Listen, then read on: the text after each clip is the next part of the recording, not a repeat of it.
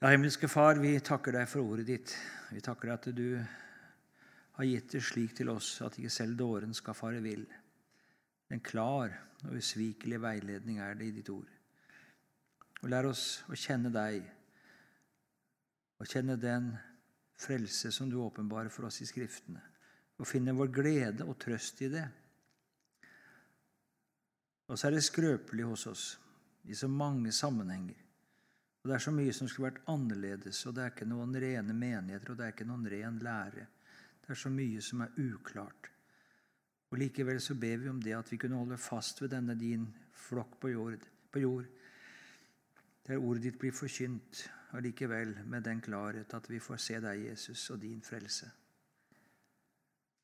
At ikke vi tar anstøt av den ringe skikkelse som din menighet har. Nå ber vi om ditt lys over det vi skal ta fram nå. Amen. Nykalvinismen, og jeg har et undertittel 'Hvorfor er den blitt så populær?' For det er den til en viss grad blitt. Og vi lever i en tid hvor det i lutherske sammenhenger og andre Det samme gjelder innenfor pinsebevegelse og andre sammenhenger at det, det settes mer og mer spørsmålstegn ved Skriftens sannhet og troverdighet. Og selv langt inn i tradisjonelt konservativ og bibeltro lutherske misjonsorganisasjoner så har både bibelskoler og teologiske læreinstitusjoner, forkynnere og ledere begynt å trekke Skriftens ufeilbarlighet i tvil. Man tror ikke lenger på skapelsen sånn som det forkynnes i Skriften. Det er masse spørsmål om hvordan det skal leses, og hvordan det skal forstås, og hvordan det skal kunne på en måte tilpasses en forståelse i samsvar med den rådende vitenskapelige tenkning osv. Og så får det også følger for bibelsyn, følger for etikken. Ikke minst forhold til det sjette bud. Hva skal vi tenke om dette med mann og kvinne, med likestilling, med, med kjønn og med osv.? Homofili. Og så er det veldig uklart. Mange vil tilsynelatende holde fast på Skriftens autoritet, men det tales ikke med klarhet.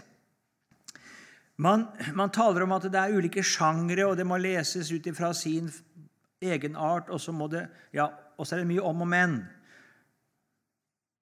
Og En sier kanskje det at ja, vi, vi skulle jo også gjerne vært liksom åpne for det og det, for personlig så syns vi jo men så står det noe her, da.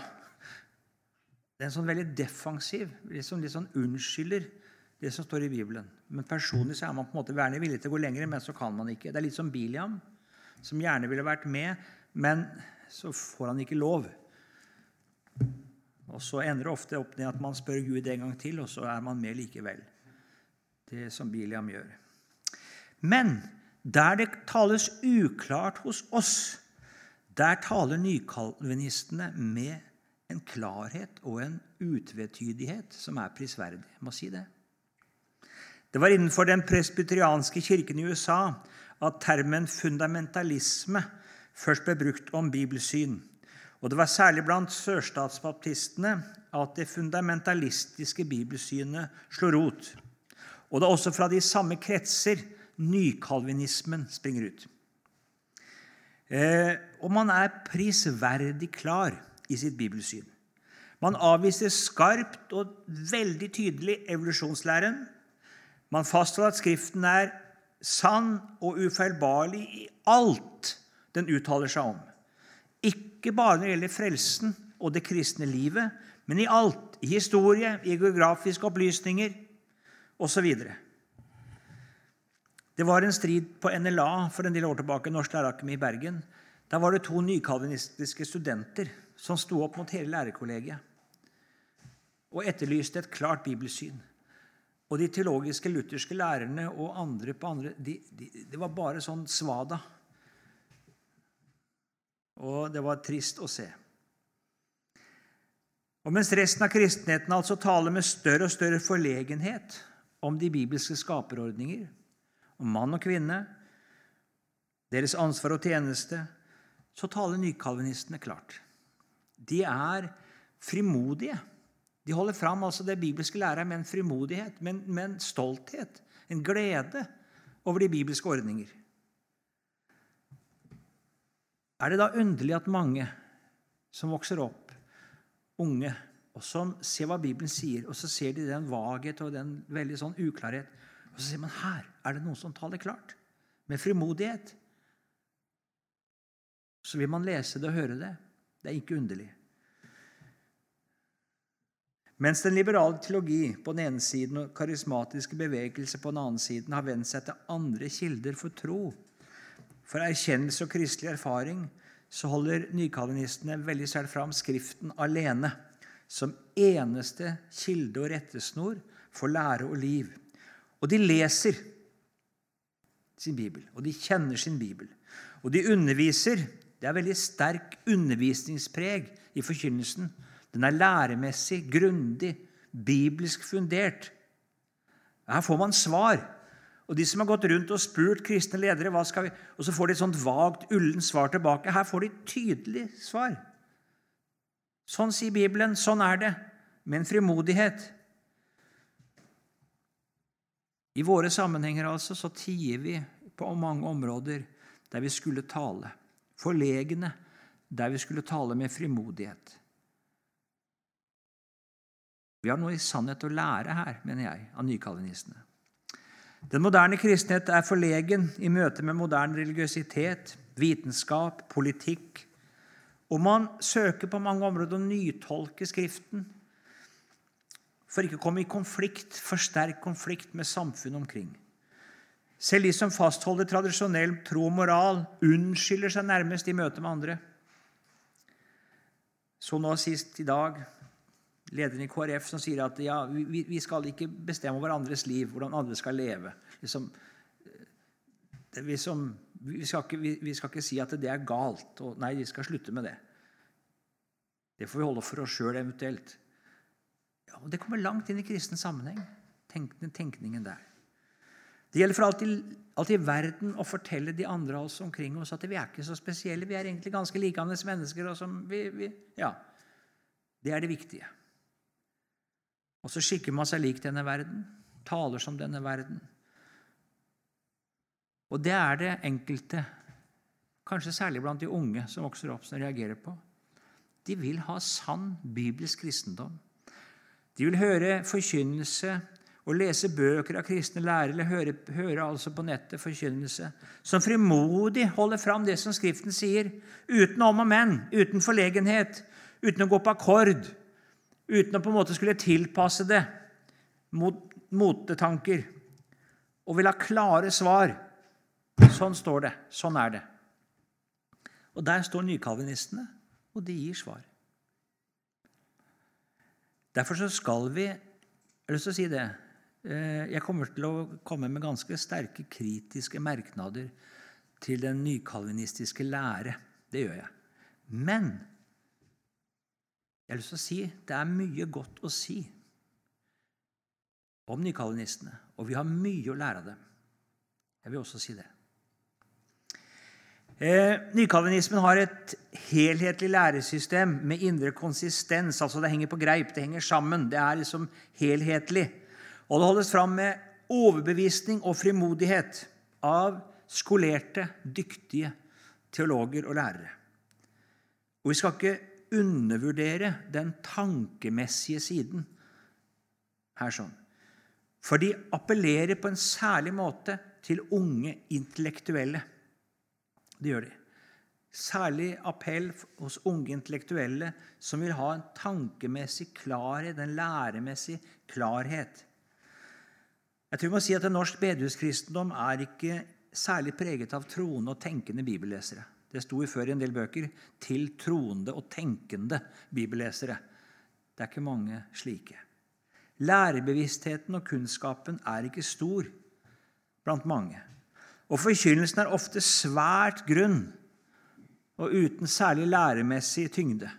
Det er noen gode tanker fra Bibelen, men det henger ofte ikke på greip rent læremessig. Det er uklart, det er diffust, og det er stort sett det samme om igjen og om igjen. Det er ingen dybde og bredde i forkynnelsen. Sånn er det ikke med nykalvinismen. Den har sin styrke i det læremessige. Den gir noe for tanken. Og den er tankemessig konsistent. altså Det, det henger på greip. Det er, det er en indre sammenheng og et teologisk system som på en måte henger sammen og gir mening og er på en måte forklarer mer eller mindre alle spørsmål på en sammenhengende måte. Og det gir en veldig frimodighet i møte med andre. En har svar. En har logiske, tankemessig klare svar. Og Når disse møter andre kristne som knapt vet hva de tror og lærer og mener, og så, og så henger det ikke på greip, det ene henger ikke sammen med det andre, for man, man har ikke tankemessig klarhet, så er disse overlegne. Hvis du møter slike ungdommer i møte med norske bedehusungdommer De norske bedehusungdommene blir satt til veggs med en gang. De har ikke peiling. Ikke har de lest sin bibel, ikke har de lest teologisk litteratur. de... Men disse ungdommene her, de har svar. De har klarhet. De vet hvorfor de lærer det, og de kan vise til bibelord sånn og sånn.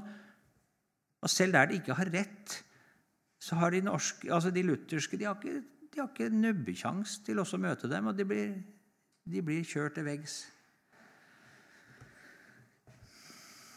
Ja. Hva lærer så nykalvinismen? Skal gå over til det. Eh, og Da tror jeg det er viktig at vi fokuserer på selve fundamentet her. sånn.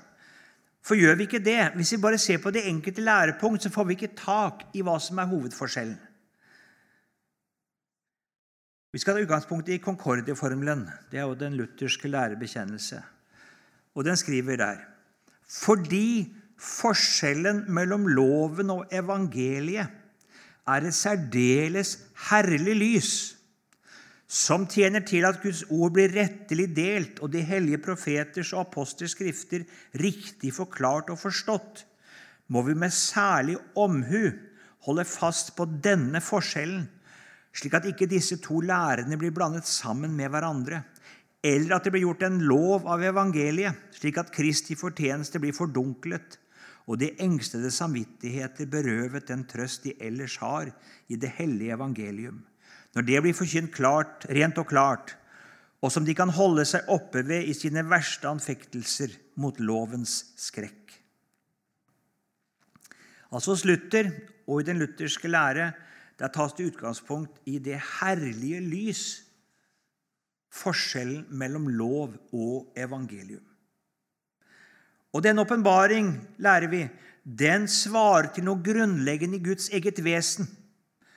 Det er en åpenbaring av Guds hellighet og Guds kjærlighet. Og alt i Guds ord må forstås ut ifra dette, at Gud er en hellig Gud og en kjærlig Gud, at han er vred og han er nådig. Det er ingen motsetning. Og Likevel så er det en spenning, skal jeg kalle det. Det er en det er noe her som, som, på en måte møter oss da i lov og evangelium. Sånn er det ikke hos Calvin. Han kan tale om lov og evangelium, om Guds fred og Guds kjærlighet. Men det er på ingen måte noe som står i en slags polaritet på en måte mot hverandre. Hos han så er det mye mer altså at det er, det er noe som på en måte mer er to sider av samme sak. Og, og, det er heller ikke utgangspunktet for lesningen av Bibelen. Det er ikke det herlige lys som alt skal leses ut fra. Nei, det er noe som er langt mer vesentlig for Calvin. Det er Guds allmakt og majestet.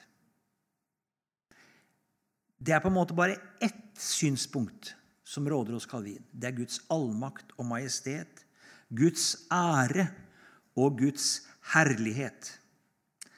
Og Der er det ingen spenning. Det er noe ganske enhetlig og ganske entydig. Luther han fant fram til denne forståelsen, sin forståelse av Guds ord gjennom en personlig kamp og nød. Så fant han fram til det herlige lys, at han måtte lese Guds ord som lov og evangelium. Det var noe som sprang ut av Skriften selv, og som åpnet Skriften for ham og førte ham til hvile ved troen på Jesus og hans stedfortredergjerning. Guds nåde frelste han fra Guds frede. Og Ut fra dette herlige lys søker så Luther å forstå hva Skriften sier og lærer. Hos Calvin så har han på en måte, det er ikke en personlig erfaring av Guds vrede og nåde som ligger til grunn. Han står mye mer distansert og betrakter det. Han var jurist. Det merker nok en viss sånn Juristen kommer fram, eh, en som vil ha orden og struktur og lovmessighet. Og det er ganske distansert og intellektuelt måten han behandler Bibelen på. Han søker et tankemessig system, en læremessig bygning som er konsistent, som henger sammen, og på en måte alt kan ordnes inn i. Og da tar han utgangspunkt Det er ikke så rart at en jurist gjør det i Guds allmakt og majestet. Kongen Vi møter altså Den lutherske ortodoksi som kjempet veldig mye mot kalvinismen, den hadde en tendens til å gå i den samme retning. Det er veldig typisk det du skal bekjempe, det preges du av. Så den, Vi møter noe av det samme når du får det, det veldig strenge dogmatiske læresystemet i ortodoksien. så prøver også der en, liksom en, på en måte en, en, en, eh, tankemessig forklaring av alt, lage noe av det samme systemet, og man ender litt i samme grøft. Og Vi møter det i de lutherske bekjennelseskirker i dag det er ganske nært opp til nykalvinismen, altså. På mange punkter. Ja, Vi skal se da på hvilke konsekvenser dette utgangspunktet får for læren innenfor kalvinismen og nykalvinismen. Og Da skal vi ta utgangspunkt i et huskeord. Alle klarer det? Hva heter tulipan på engelsk? Tulip. Og tulip det er fempunktskalvinister. Noe som heter syvpunktskalvinister, men de går vi forbi her.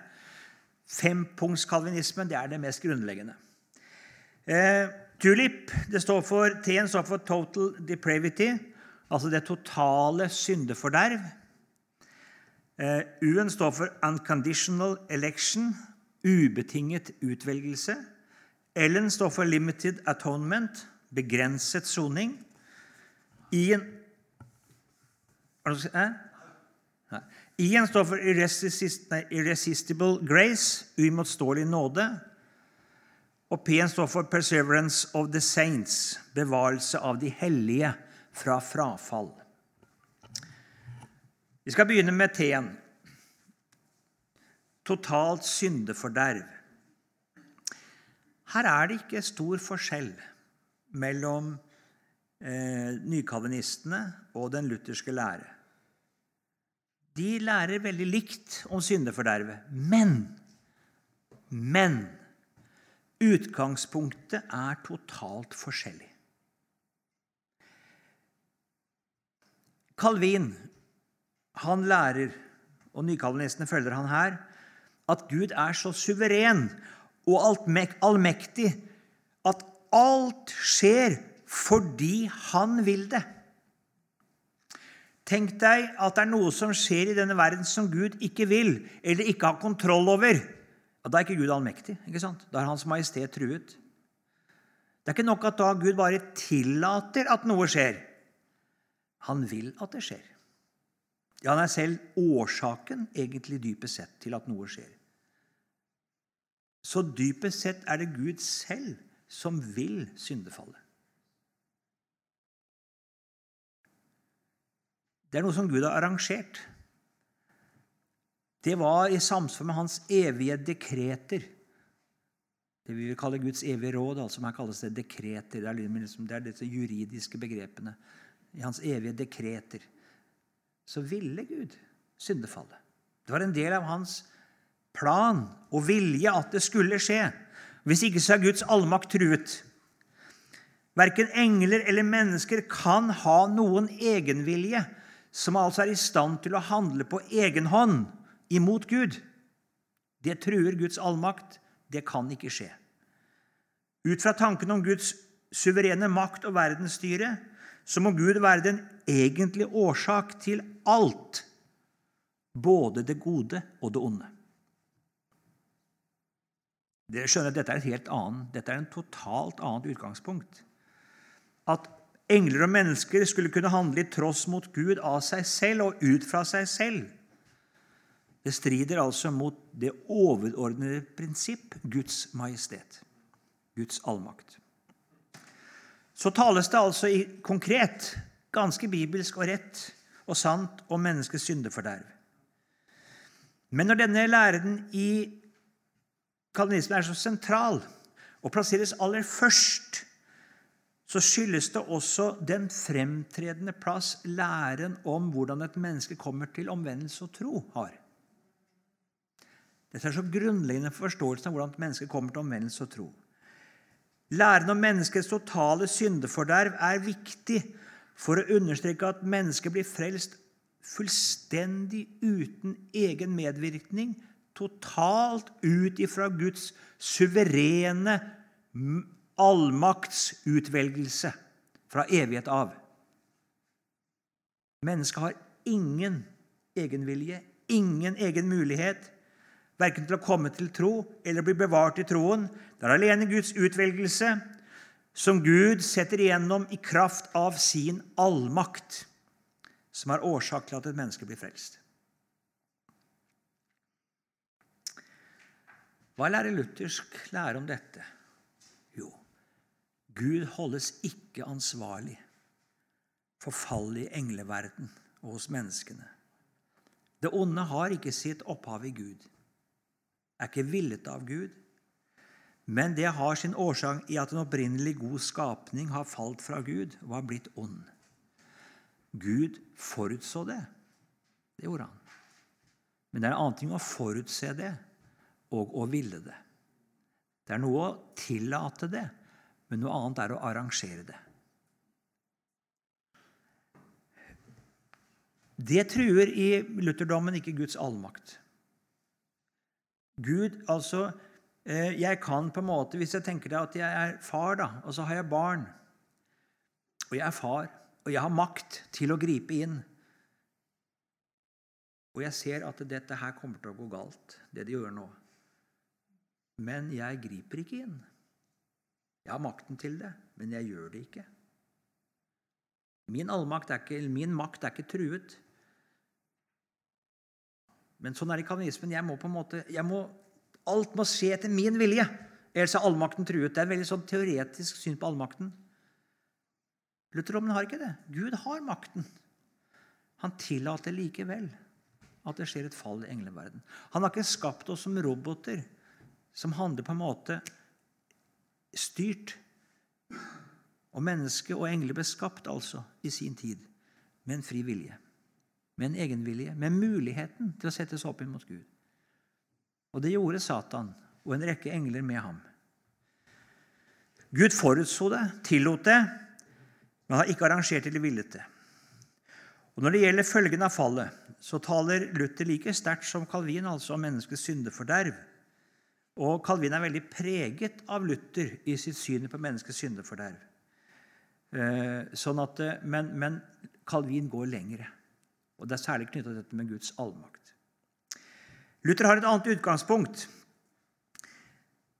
Selv om han også avviser enhver tanke om at mennesket har noe å bidra med i sin omvendelse og frelse, så skyldes ikke det hos Luther først og fremst at det ville stride mot læren om Guds suverenitet og allmakt, men at det ville stride mot Guds nåde.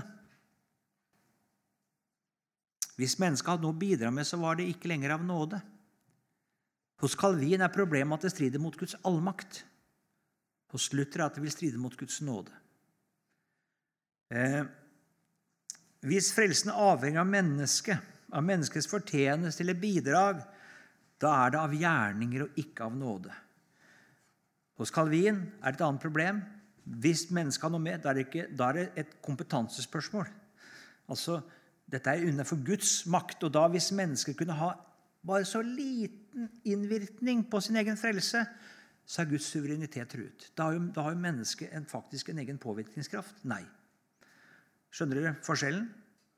Det er altså forskjell på om det er et maktspørsmål, eller om frelsen er av nåde eller ved gjerninger. Jeg skal si litt mer om det. Eh,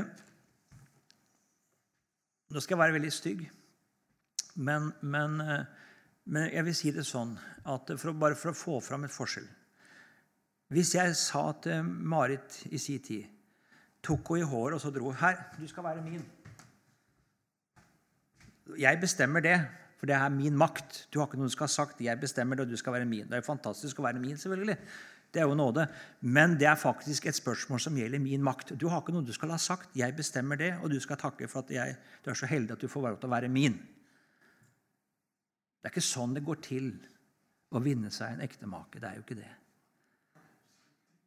Men der det går til, ikke sant? Hva sier Bibelen? Gud kaller, han innbyr, han drar. Overbeviser.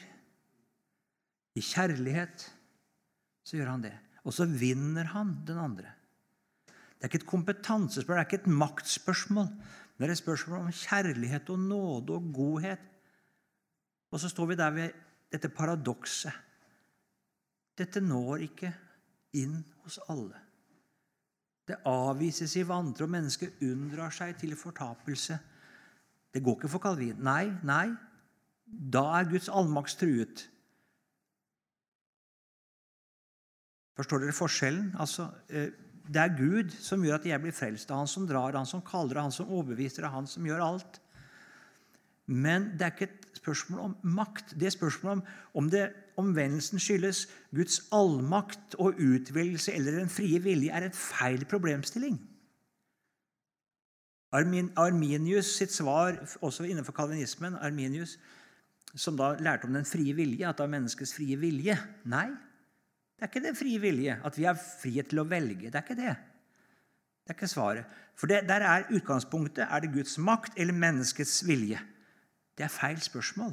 Det er feil problemstilling. Det er ikke et maktspørsmål når en brudgom vinner seg en brud. Det er et spørsmål om kjærlighet, overbevisning, om tillit. Legg merke til at det er slike ord Bibelen bruker om frelsen at mennesket kommer til tro. Ja, vi, skal, vi lar det være der. Ubetinget utvelgelse kommer tilbake til der. Hos Calvin altså er menneskets evige frelse avgjort i Guds evige råd, i Guds suverene dekreter. Noen mennesker er utvalgt, og de er forutbestemt til frelse. De andre går fortapt, enten fordi Gud har bestemt dem til det, eller i det minste fordi han har overlatt dem til seg selv og ikke gjør noe for å frelse dem.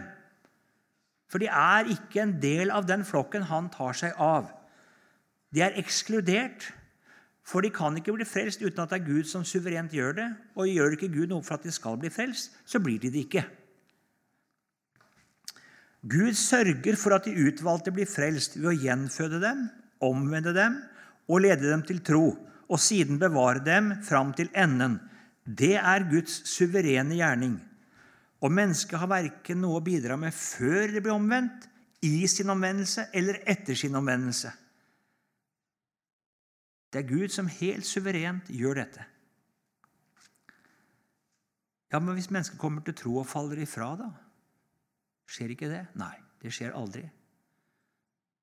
Der hvor det tilsynelatende skjer, så har de aldri i sannhet vært troende. Troende blir du bare fordi Gud gjør deg til en troende ved sin makt. Og Derfor er det ikke mulig at en troende kan falle fra. For Gud skaper bare troen hos de han vil frelse, og de frelser han. Suverent. Så når ikke alle blir frelst, så skyldes det at Gud ikke vil frelse alle. Ville han frelse alle, så kunne ingen hindret ham. For han er jo suveren i sin allmakt. Det er logisk, ikke sant? Er det, er det et kompetansespørsmål, er det et maktspørsmål, det å bli frelst? Og Gud er allmektig. Så er det jo ingen som kan hindre at alle blir frelst, hvis Gud vil at alle skal bli frelst. Han gjør jo det han vil, og setter det igjennom, og ingen kan hindre ham. Ja, hvorfor blir da ikke alle frelst? Da kan du ikke si det er for noen det er noen som unndrar seg. Nei, nei, for da er ikke Gud suveren. Da har mennesket mulighet til å påvirke det. Altså Gud vil ikke frelse alle. Ja, Men står ikke det i Bibelen, da? At Gud vil at alle skal bli frelst? Jo, sier Calvin, det står, men det er ikke det som menes alle numerisk. Det mener altså alle slags mennesker. Gud vil at alle typer mennesker skal bli frelst. Det er ikke, det er ikke ment alle. Og det, Sånn blir det ved veldig mange skrifter. Man må gi det en tolkning, og den må styres av det overordnede synspunktet. Det er kalvinismens store problem at den får problemer med mange bibelord. Han er en soning for våre synd, ikke bare for våre, for hele verden. Nei, han er jo ikke det. Jeg kommer tilbake til det. Det er altså tanken om Guds suverenitet og allmakt som styrer forståelsen av skriftord og læren. I luthersk kristendom er utgangspunktet som sagt et helt annet. Gud vil at alle skal bli frelst. Det er hans kjærlighetsvilje. Men frelsen virkeliggjøres ikke gjennom Guds allmakt, men gjennom hans kjærlighet. Gjennom hans kjærlighet. Gjennom hans nåde. Uforskyldte godhet. Og Det bildet jeg hadde i stad, så tenkte jeg en prins, altså hvis det var et totalitært samfunn ikke sant? Du er i Saudi-Arabia eller et annet totalitært samfunn, du er en prins der, og han vil ha en rekke kvinner til sitt harem. Har du noe du skulle ha sagt? Hadde Ester noe skulle ha sagt? Når kongen i Persia ville ha henne i sitt harem? Nei. Hun hadde ingen vilje. Han bestemte det. Kom her. Sånn Det spørres ikke til kjærlighet. Det spørres ikke til overbevisning. Det spørres bare til hva prinsen vil. Hans makt. Det er det totalitære. Og hos Calvin er Gud totalitær. Men det er ikke slik det går til i et ekteskap som sagt, som har grunn i kjærlighet. Der må prinsen gå annerledes til verks. Han må vinne seg sin brud. Om hun er rik eller fattig, om hun er høy eller lav stand, det spiller ingen rolle. Det er ikke spørsmål om makt. Han må overbevise henne i kjærlighet og i godhet, så må han vinne sin brud og knytte bruden til seg. Ikke med allmaktens bånd, men med tillitens og kjærlighetens bånd må han vinne sin brud. Og sånn er det Skriften taler om utvelgelsen. Jeg kan ikke se det på annen måte. Det er sånn det tales om den.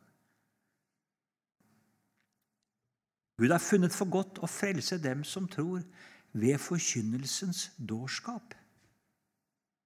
Det tales om svakhet her, om Guds svakhet og Guds dårskap.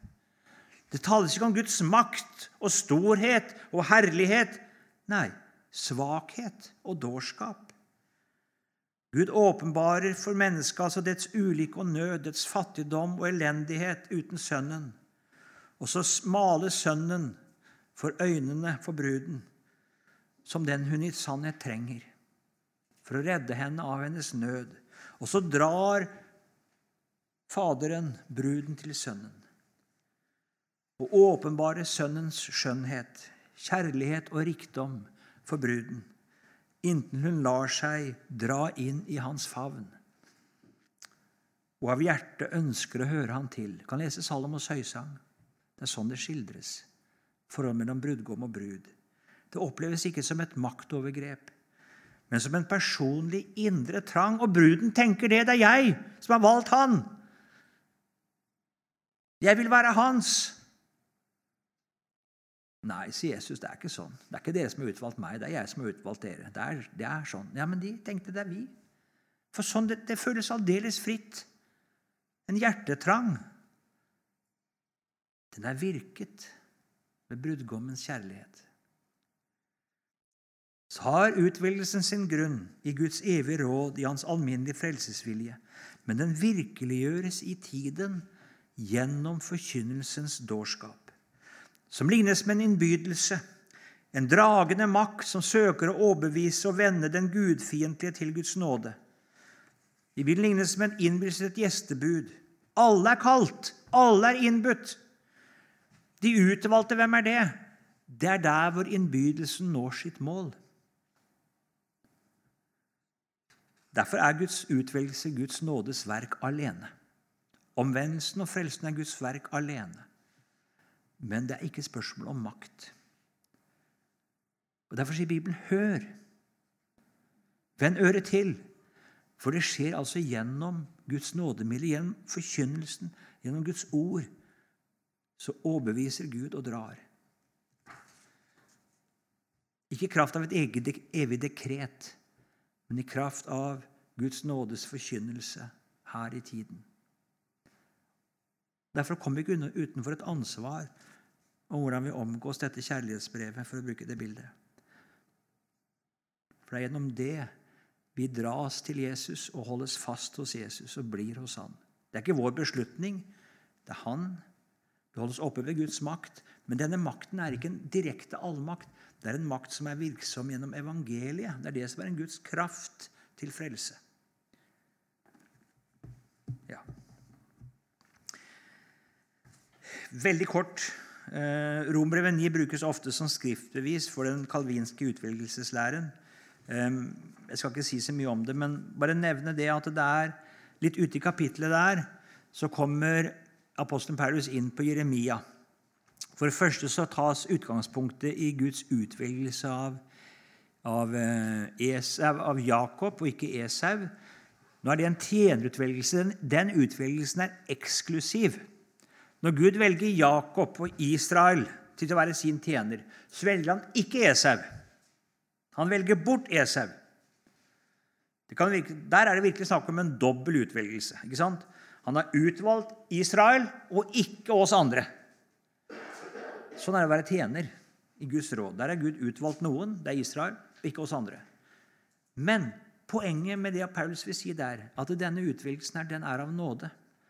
Den er før det gjort godt eller vondt. Den er helt uforskyldt. Det er, liksom, det er det han vil ha fram. Det er fullstendig en nådesutvelgelse. Og Sånn er det også med frelseutvelgelsen. Det er av ren nåde, uten fortjeneste. Men så kommer han utover i kapittelet der. Han tar også opp en negativ utvelgelse. Han snakker om farao, som er også utvalgt til å være tjener i negativ forstand. Han er utvalgt til å være en altså, som på en måte har en negativ tjeneste. Derfor oppreiste Gud farao. Han skulle ha en negativ tjeneste, akkurat som Judas. En negativ tjeneste jo forråde Jesus.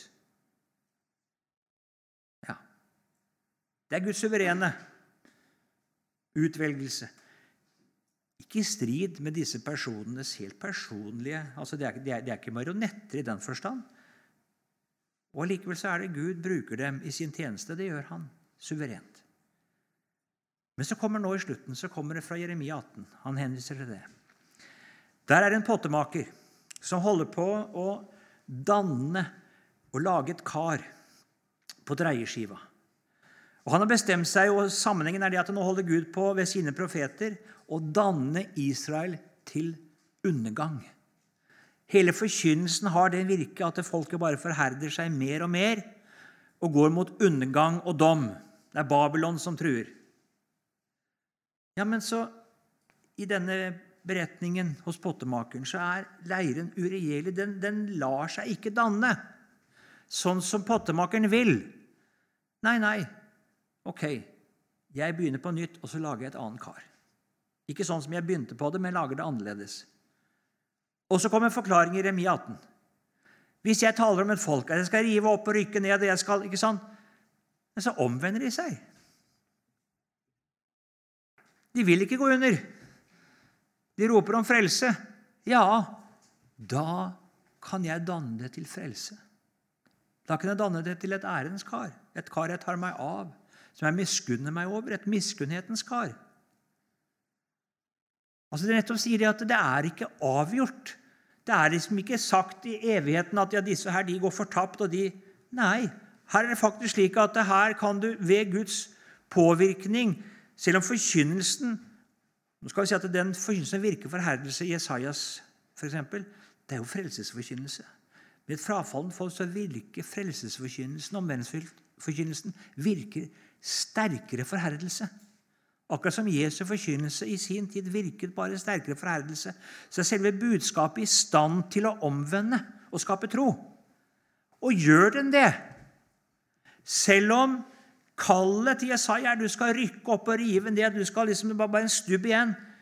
Ja, men Er det noen som tar imot dette og lar seg frelse? Ja, så miskunner Gud over dem. Calvin så er det evige dekreter. ikke sant? Nei da, det går bare én vei, og det har Gud bestemt. Nei. Gud er slik. Det er alltid han som handler, alltid han som danner. Men når dette budskapet altså virker omvendelse, så miskunner Gud seg og er nådig. Jeg har sett annet folk. Gud danner det til frelse, og de tar imot Hans ord. De, men så blir de uregjerlige. De vender seg bort. De gjør Den hellige ånds sorg. De lar seg ikke danne. Nei, da begynner Gud å danne det til undergang. Det er nettopp poenget her. Dette er ikke evig avgjort. Det er Gud som handler ved sitt ord. Det er det. Men det er ikke uvesentlig hvordan du og jeg stiller oss til dette ordet. I hvilken grad det får inngang hos oss. Det er det ikke. Det skjønner vi. Gud har ikke behag i den ugudelige stød, men i at han omvender seg og får leve. Ja, jeg har sagt mer om det, men vi skal, vi skal, vi skal la, la, det være. Um, Jeg kan altså ut fra Skriften si det, særlig Rombrevet 9, at det er ingen forutbestemthet, det er ingen avgjorthet at noen er bestemt til å gå fortapt. Det finnes ikke tale om det i Skriften. Det gjør ikke det. Gud forbarmer seg også ved mennesker som langt på vei er dannet til undergang. Du har en Rahab, ikke sant? Kanans land er under Guds dom. Det skal, det skal altså eh, det skal knuses, og ingen skal få leve. Og så roper Rahab om nåde, og hun får nåde. Det henger en forbryter på et kors i Jerusalem, dømt for mord og oppvigleri. Og han ber om en tanke i paradis, og han blir frelst. Det er en Paulus som fnyser av trussel og mord og stamper imot Jesus, forfølger Guds menighet og er så langt inn i forherdelsen og i på en måte i å dannes til undergang. Og så blir han stanset utenfor Damaskus, og så blir han omvendt. Til et vitnesbyrd, sier Paulus. Til et forbilde for de som skal komme til tro, og hvor Guds, stor nåde, Guds nåde er. Altså, Sånt har det Bibelen. Det skulle da være ganske umulig at Gud på en måte kan la noe han vil frelse, gå så langt på syndens vei. Det er noe, det er noe si, teoretisk, mener jeg, hos Calvin her, som ikke er i overensstemmelse med det Skriften lærer. Skriften lærer noe, jeg kan bruke ordet heller dynamisk. Frelsen den skjer ikke, altså ikke automatisk, ikke i kraft av Guds suverene allmakt, men Gud har funnet for godt å frelse ved forkynnelsens dårskap. Ved et middel som er tilsynelatende så svakt. For her er det ikke allmakten, men her er det den frelsende kjærlighet og kall og dragende, overbevisende makt som mennesket i sin vantro og ugudelighet kan stå imot til sin egen undergang, kan unndra seg til sin egen undergang. Du kan ikke unndra deg Guds allmakt, men her kan du unndra deg til fortapelse. Eller du kan tro til sjelens frelse. Og Det har ikke noe med at mennesket har en fri vilje å gjøre, men det har noe med det at Gud har funnet for godt å frelse dem som tror, ved forkynnelsens dårskap. Og har gjort, gitt oss dette middelet for å virkeliggjøre det. Og det gir oss et veldig ansvar for å bruke Guds ord. Det ansvaret møter i Bibelen. Hør, så skal din sjel leve. Den som har øre, han høre. Vend øret hit, og kom til meg. Altså, det er så mange oppfølginger i Bibelen. Hør, hør. Ta det til hjertet. Ta vare på det som du har fått. ikke sant? Bli det. Bli mine ord. Hvorfor det? Jo, for det er gjennom det ordet Gud overbeviser og drar oss. Hadde det vært allmakt Egentlig hadde jeg ikke hatt bruk for denne boka. Altså, Gud gjør vel det han vil, suverent. Og har, ingen, har det ingen betydning Hva skal jeg da med dette? Hvor skal vi samles da, hvis det er Guds allmakt? Han gjør vel som han vil. Da kan jeg jo ikke gjøre noe fra eller til. Jeg har jo ingen påvirkning, verken negativ eller positiv forstand. Sånn taler ikke Bibelen. Så la det bli et paradoks, da. Og Det paradokset er der. At Guds nåde åpenbart er frelse for alle mennesker. Det står der i Titus, hvor Berdus taler om det. Åpenbart er frelse for alle mennesker. Alle blir ikke frelst. Men det er åpenbart en frelse for alle mennesker. Det er noe svakt ved dette. Og Gud vil det skal være svakt. Og jeg tror det er en sann brudgom. Han vil at hans kall skal være svakt overfor bruden. Det skal være hjertets lyst og glede. Og Da hører ikke makt hjemme. Da er det en svakhet hos brudgommen. En vil vinne den andre. Så at den andre sier altså at han er min, og jeg er hans. Og det er min glede. Det kalles Guds svakhet, Guds dårskap. I kjærlighet har han utvalgt oss. I kjærlighet har han bestemt oss. Sånn taler Bibelen om det. Ikke i makt, men i kjærlighet. Ja, vi tar pause.